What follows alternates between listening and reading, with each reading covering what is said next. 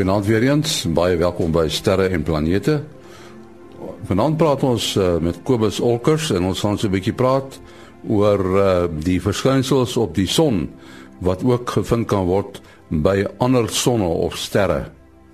En dan is daar 'n gesprek met uh, Johan Swanepoel daar van George wat allerhande interessante goed doen en wat interessante goed bou wat hy gebruik in sy teleskope.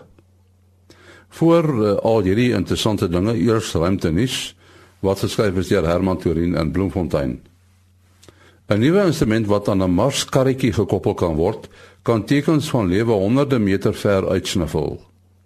Die karretjie stuur 'n ligstraal na 'n stofwalmpie en hoe die lig deur die stof gefragmenteer word, bepaal of daar ook elemente teenwoordig is wat 'n sogenaamde biokenmerk het.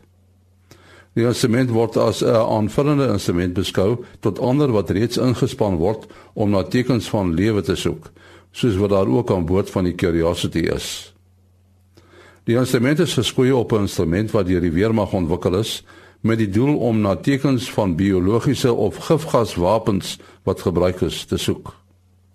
Intussen is bekend gemaak dat wetenskaplikes reeds verlede week met die ontwikkeling van nuwe protokolle vir die versameling en berging van biologiese monsters op Mars begin het. Die navorsing sal op 'n vulkaan op Hawaii gedoen word en is bestem om met bemande sendinge na Mars in plek te wees. Die James Webb Ruimteteleskoop is na 20 jaar se bouwerk voltooi. Dit is die grootste ruimteteleskoop wat nog gebou is en word as die opvolger van die bekende Hubble ruimteteleskoop beskou. Verskeie toetse gaan nou gedoen word voor die teleskoop in 2018 gelanseer sal word. Dit sal 6 maande na lansering sy eerste foto's na die aarde terugstuur. Tot sover aan ruimtenis wat geskryf is deur Herman Turin in Bloemfontein. Ja, ons uh, praat uh, met Kobus Olkers daar in Florida, Amerika. En uh, ons praat natuurlik oor die son. Maar uh, voor ons nou oor ander dinge wat die son betref praat uh, Kobus, uh, het jy eers so 'n son weervoorspelling wat ons hoor? Ja, dis maar eers gaan ons ons ruimte weervoorspelling vir die week inkry.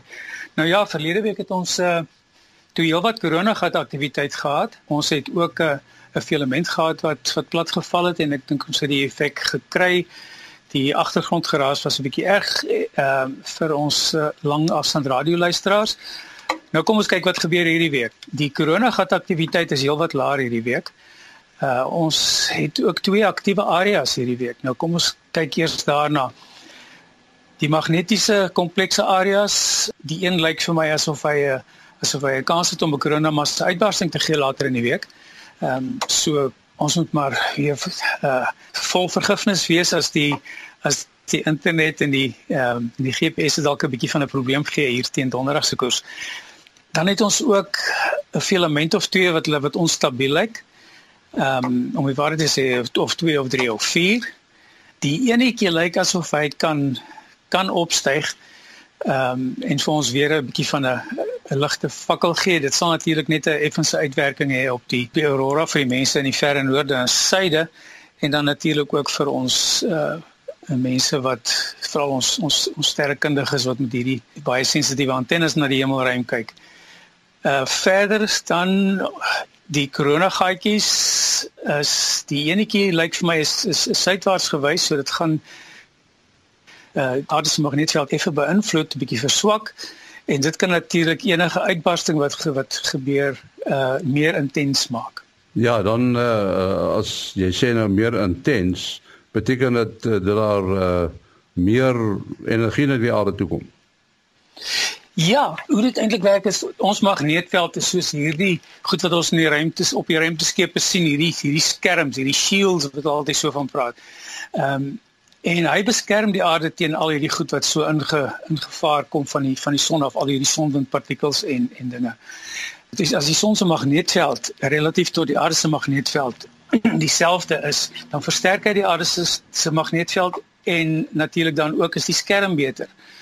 Ehm um, wanneer die omgewing die magnetiese omgewing wat van die son af na ons kant toe gestuur word suidwaarts wys, dan verswak dit die aarde se magneetveld en dan word hierdie skerm van ons nou word nou verswak en dan kan enige effek wat van die buitenste ruimte afkom, maar hoofsaaklik van die son afkom, kan dan 'n baie groter effek hê uh op op ons ruimte weer in ons onmiddellike omgewing vir ons satelliete en vir ons ionosfeer en vir al die soort van goed.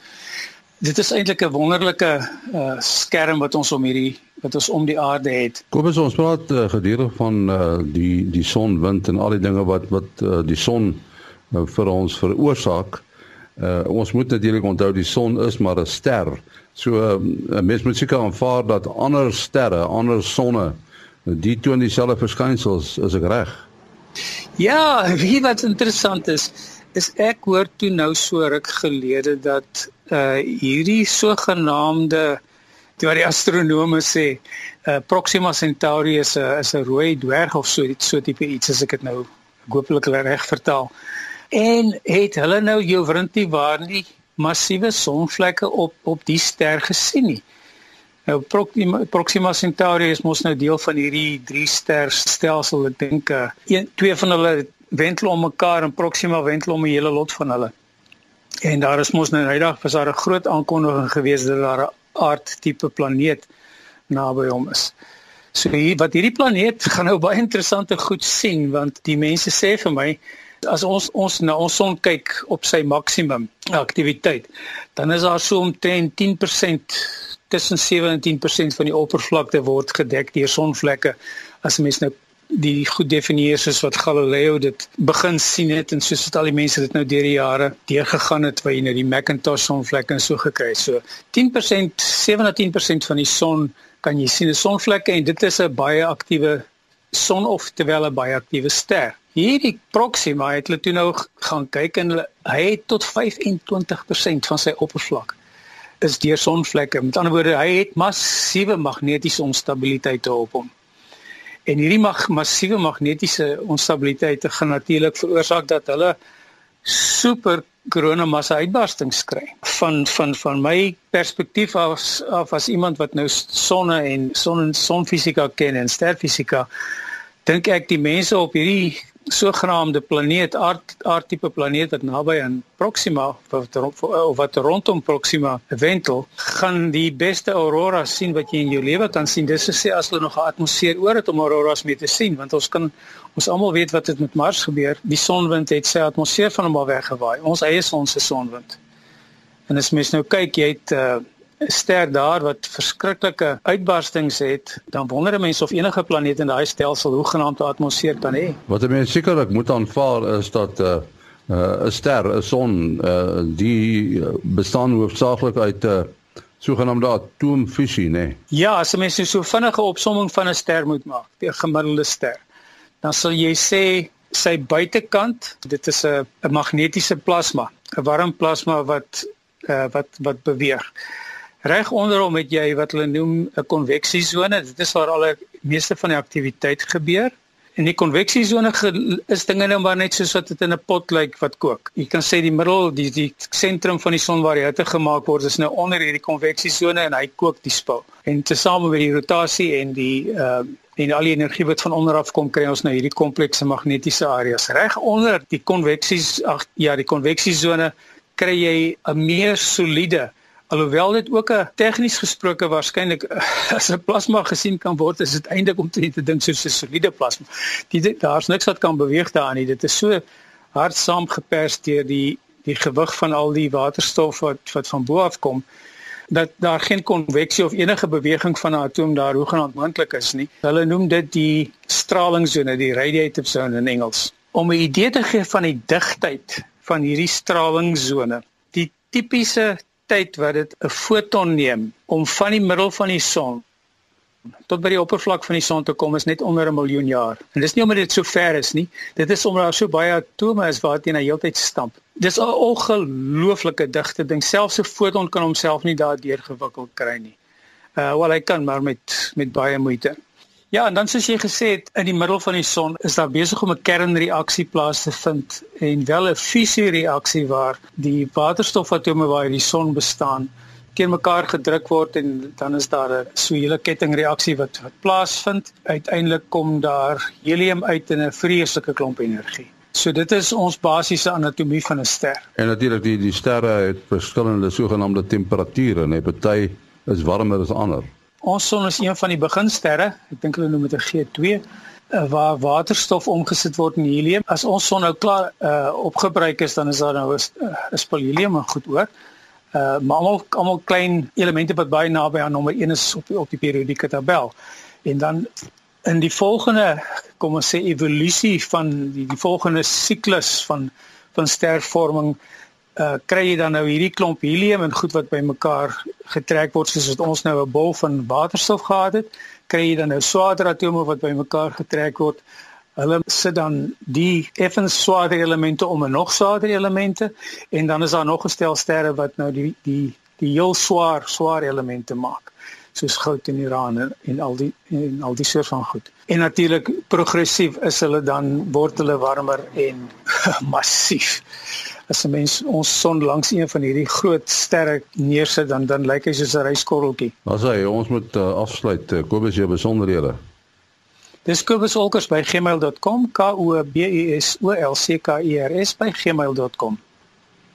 Ons sê baie dankie aan Kobus Olkers en uh, soos jy nou al seker weet hy's in Florida, Amerika. Ons gesels uh, vanaand met uh, Johan Swanepoel. Ons het so 'n uh, hele klomp jaar gelede met hom gesels. Hy woon op George. En ek dink Johan toe ons laas gepraat het, toe het jy uh gepraat oor uh, jou tegniek om om spieëls te slyp. Jy is 'n uh, 'n baie ywerige uh, amateur sterrekundige en jy het die geduld om spieëls te slyp. Uh, slyp jy nog spieëls? Uh, nee nee nee nie op die oomblik nie. Ek is tans besig uh, meer met met 3D drukkers wat ek gebou het. Ek het so 3 van hulle gebou. Een van die redes hoekom ek dit gebou het, dat ek ek, ek druk uh, parte of komponente vir vir teleskope ook onder andere. Uh, een van die goed wat ek aan belang gestel het was wat mens noem 'n bar door tracker. Dis 'n ding waar 'n platformpie waarop mense 'n kamera plaas wat dan die aarde se rotasie volg. Nou vir die ding Ja, dit was dit nou vir my nodig om om 'n stel parte 'n uh, spel ratte eintlik te druk. En ek het nou gevind dat met 'n 3D drukkers kan ek nou hierdie goed baie goed doen. Ek kan 'n uitstekende stel uh raadjies druk vir hierdie volger waar mens nou kan so ek sê my kamera kan plaas en en astrofotografie mee kan doen. Die ander ding natuurlik die 3D drukker kan ek gebruik om ander parte vir as mens nou teleskope bou kan 'n mens nou uh spesiale parte wat nou doelgemaak is, kan jy nou ontwerp en en die goed uh, daarvoor druk. Die ontwerp deel, hoe doen jy dit want want uh, die goed moet baie presies wees, nê? Nee?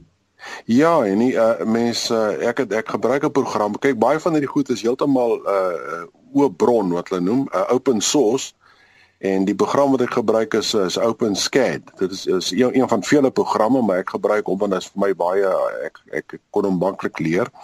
En op hom ontwerp ek nou maar my eie parte. Ek verkies om my eie parte te ontwerp.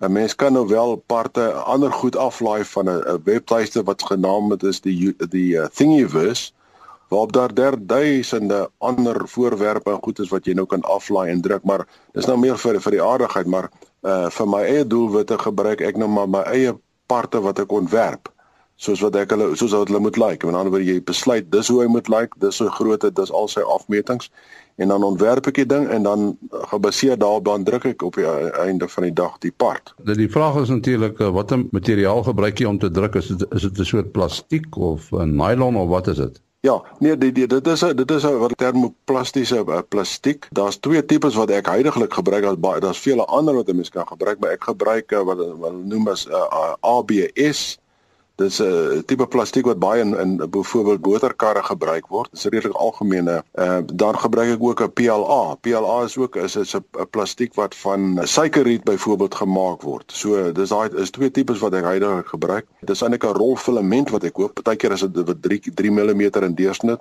Ander keer is dit 1.75 mm in deursnit. Dis nou die rolplastiek wat jy nou voer in die drukker in en hy voer nou die ding af in 'n warm punt, hot point soos hulle sê, waar die plastiek nou gesmelt word en dan deur 'n baie kleiner gaatjie gepers word sodat hy uh, is 'n soort van 'n nozzle as mense dit nou so kan noem.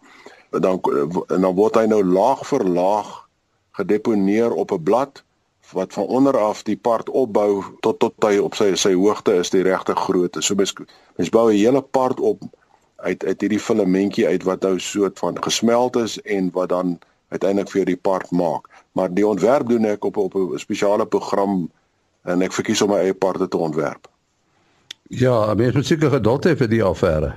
Dit is so, uh, dit was 'n lelike uh, leerproses aan aan die begin wat ek moes deurgaan en ek het baie geëksperimenteer en so, maar jy weet, Ons moet al hierdie goed eksperimentering is maar deel van 'n leerproses. Jy weet, as jy nie probeer nie, dan leer jy nie. So ek het uh, uh, uh, baie geleer in die proses. Dit is maar ek was maar soos ons sê self-taught. Jy weet ek ek maar die maar die, die ding getackle en en en dan uh, myself 'n uh, bietjie kundig gemaak in die hele proses van die bou van die drukkers in die eerste plek en dan ook die gebruik van die drukker deur uh, parte en onderdele te ontwerp en en dan te druk, jy weet. Hoekom het jy meer as een drukker? En nie, ek het aanvanklik was hier 'n groepie in George gewees wat uh, wat daar skoolkinders by betrokke was en waar ons sulke kits gekoop het of 'n kit gekoop het so te sê, uh, weet 'n on, onderdele stel en dan uh, is dit drukker gebou dat ek saam met die kinders gesit en die ding ge, gebou.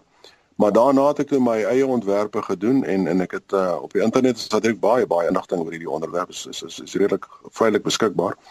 En ek het toe 'n 'n groter drukker gebou wat hoë parte kan druk en dit is 'n wat die ken staan as 'n delta drukker en hy het drie sulke vertikale asse wat uh mens die die die die ding op en af beweeg die die punt wat die drukwerk doen op en af beweeg. Hy laat jou nou toe om om om baie groter parte te druk. So ek het maar 'n bietjie geëksperimenteer met die verskillende tipes wat wat oor staan. Jy weet die die die eerste ene was maar 'n ding wat wat 'n gewone X, Y en Z as. Dis nie jou jou 3D, drie dimensies uh, en dan maar hierdie ene het uh, drie vertikale asse wat ook in effek in sy, sy wiskunde agterom wat nou die bewegings uh, bereken doen dit op so 'n manier dat jy ook effektief 'n x y z as beweging kry. Dis nou met die delta drukker jy weet. Maar hy laat jy toe. Nou hierdie een wat ek gebou het is omtrent so 'n meter hoog en 'n half meter in deursnit. So hy laat my toe om redelike uh hoë parte of lang parte te bou wat jy nie op die ander ene kan bou nie. En toe het ek 'n derde ene gebou wat so 'n bietjie groter is as die eerste ene. Maar natuurlik hierdie drukkers uh, die eerste een het ek gebruik om die parte te druk vir die tweede een en die tweede een het ek gebruik om die parte te druk vir die derde een. En die derde een het ek gebruik om vervangingsparte te druk vir die eerste een. Mhm. So so so so die drukkers stel jy in staat om parte te druk vir drukkers. Uh, hoe klein kan hierdie masjiene druk? Uh, want baie van die onderdele is redelik klein, né? Ja, mens kan redelik klein gaan, maar alhoewel die die soos daai ratte wat ek nou gedruk het is is is, is redelik groot. Die groot rat is omtrent 150 mm in deursnit en die kleiner ene is seker so 15 mm of so. Maar so maar mens kan wel kleiner klein partjies druk van 'n van 'n aantal millimeters en dan kan jy tot uh uh parte druk tot tientalle millimeters. Jy weet dit hang net af van hoe groot jou die platform is waarop jy druk. Want hierdie platform waarop ek druk moet ook verhit word. Dit hang net af van die tipe materiaal. En die die platform word verhit sodat die ding uh goed heg op die platform en nie buig en en en loskom terwyl jy besig is om die part te druk nie en dit die die temperatuur wat 'n mens gebruik verskil natuurlik afhangende die materiaal wat jy gebruik. As ek byvoorbeeld ABS gebruik, uh, word hy teen 'n redelike hoë temperatuur uh, gedruk in die eerste plek. Die smelttemperatuur is hoog, 240 grade Celsius en dan die platform waarop 'n mens druk is omtrent so teen 110 grade Celsius. En dan jy weet dan verseker dit laat hy goed klou en en, en geen buiging uh, buigeffekte het op die ding nie. Johannes, sê vir jou baie dankie. Dis 'n interessante projek wat jy mee besig is. As ons volgende keer praat dat jy 'n drukker wat nog selfs groter is, nê? Nee? Ja, en nie as hy nou regtig ernstig raak aan die ding, jy weet die Chinese uh, uh, byvoorbeeld drukkers wat in 'n so 'n groot gebou is, dan bou hulle panele wat hulle huise mee bou. Met ander woorde, hulle bou hier soos 10 huise 'n dag, jy weet, so daai ding.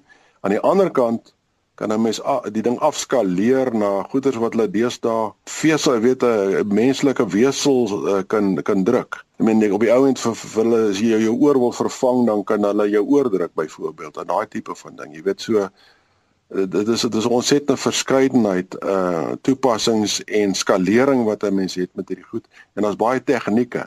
Jy weet ek gebruik nou maar die termoplastiese tegniek waar ek plastiek smelt. Daar's ander goed wat met lasers werk Uh hierdie een van my bou ek vir omtrent R5000, maar jy kan nou goed vir 'n paar honderd duisend rand en 'n miljoen rand of meer koop, jy weet, so dis dis 'n hele geskaleerde proses. Johan, ons sê vir jou baie dankie, dankie dat jy jou kennis met ons gedeel het.